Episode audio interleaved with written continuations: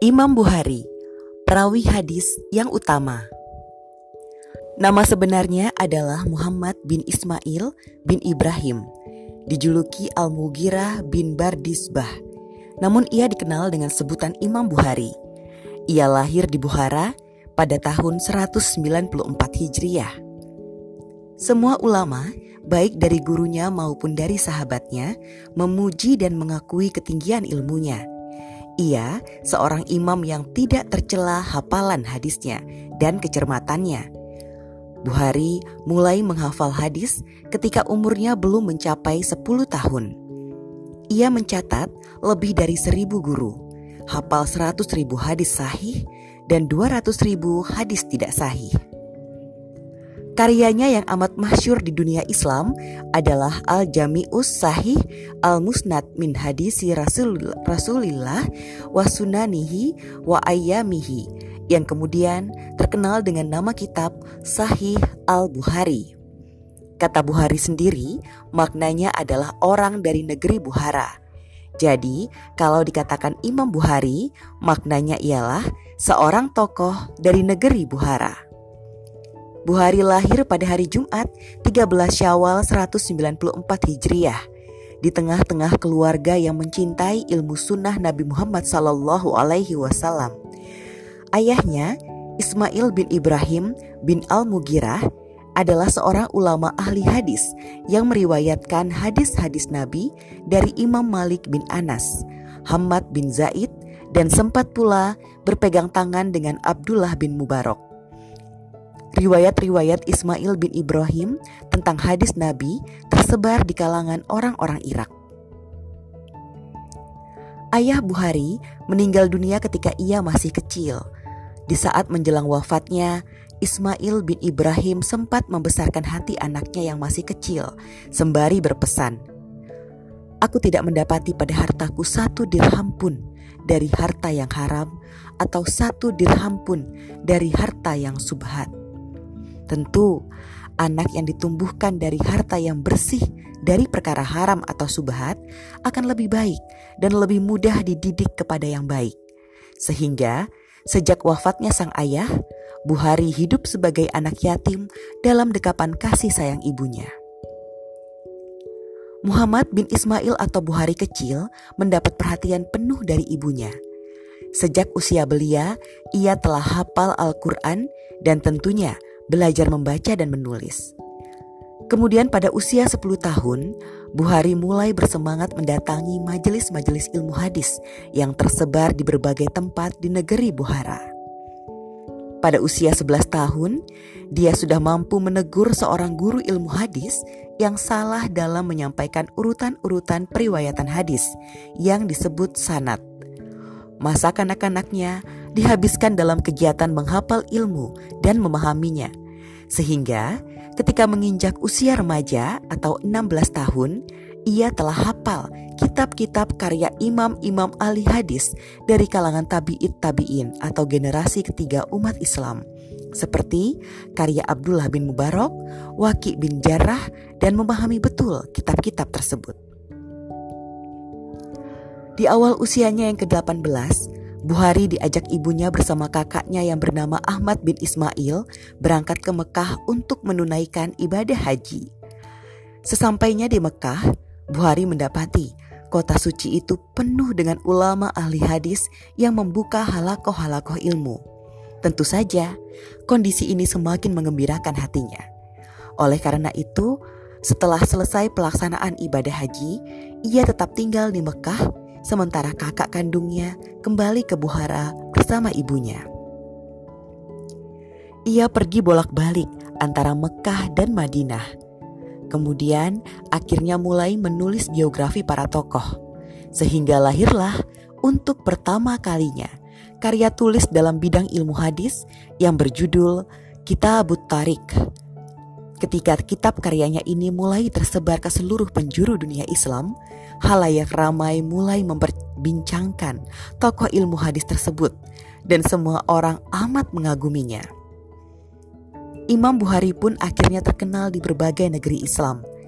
Ketika ia berkeliling ke berbagai penjuru negeri, para ulama ahli hadis menghormatinya.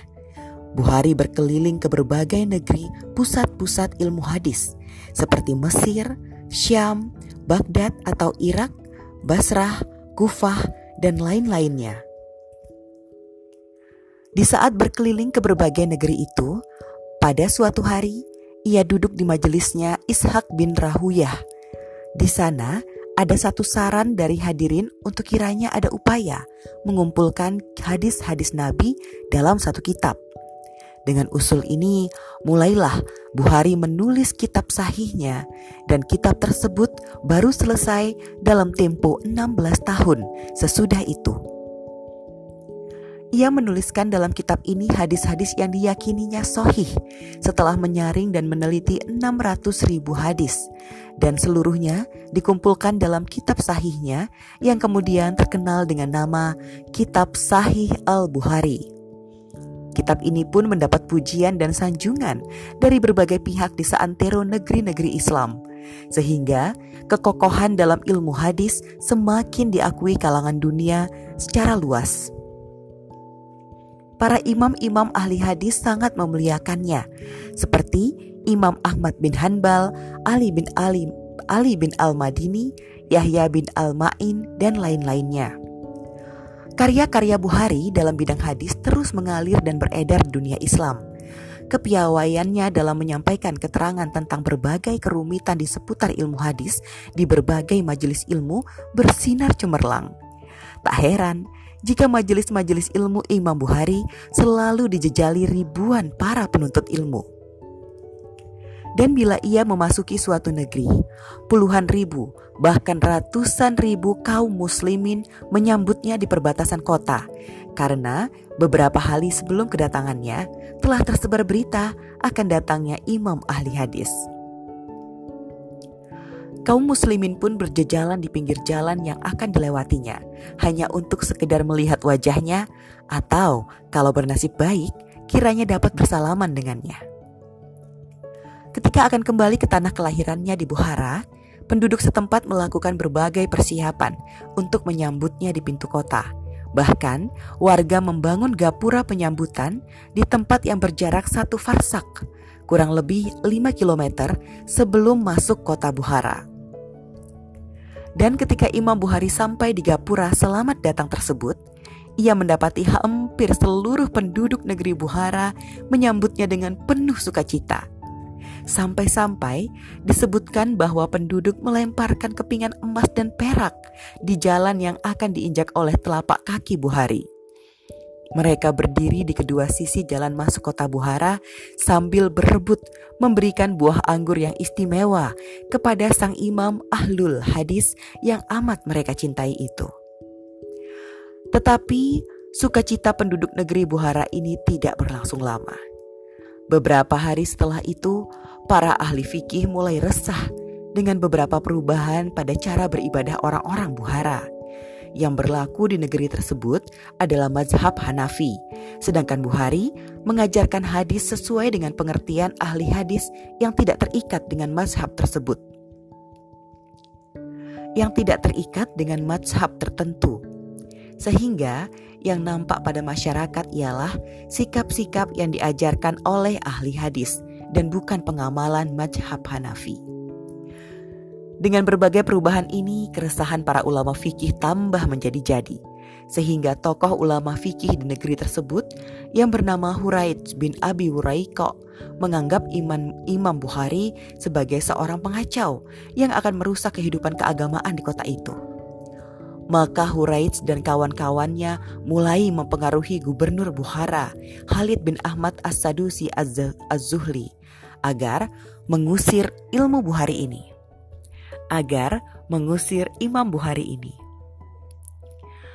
Gubernur Khalid pernah meminta Bukhari datang ke istananya untuk mengajarkan kitab At-Tariq dan Sahih Al-Bukhari bagi anak-anaknya.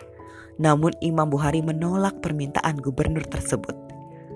Aku tidak akan menghinakan ilmu ini, dan aku tidak akan membawa ilmu ini dari pintu ke pintu. Oleh karena itu, bila Anda memerlukan ilmu ini, maka hendaknya Anda datang saja ke masjidku atau ke rumahku. Bila sikapku yang demikian ini tidak menyenangkanmu, engkau adalah penguasa.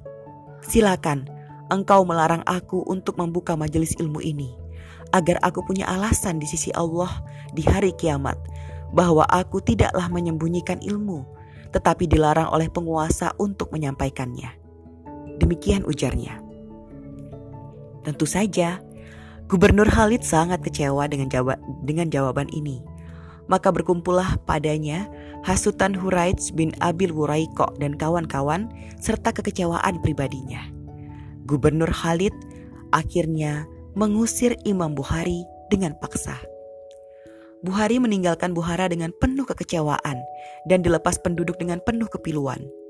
Ia berjalan menuju desa Bikanda, kemudian berjalan lagi ke desa Kartanka. Yang keduanya adalah desa-desa negeri Samarkan. Di desa terakhir inilah ia jatuh sakit dan dirawat di rumah salah seorang kerabatnya di desa itu. Dalam suasana hati yang terluka, tubuhnya yang kurus kering di usia ke-62 tahun, Buhari berdoa mengadukan segala kepedihannya kepada Allah. Ya Allah, bumi serasa sempit bagiku. Tolonglah ya Allah, engkau panggil aku ke haribaanmu. Dan sesaat setelah itu, ia pun menghembuskan nafas terakhir ia wafat pada malam Sabtu di malam Hari Raya Idul Fitri 1 Syawal 256 Hijriah.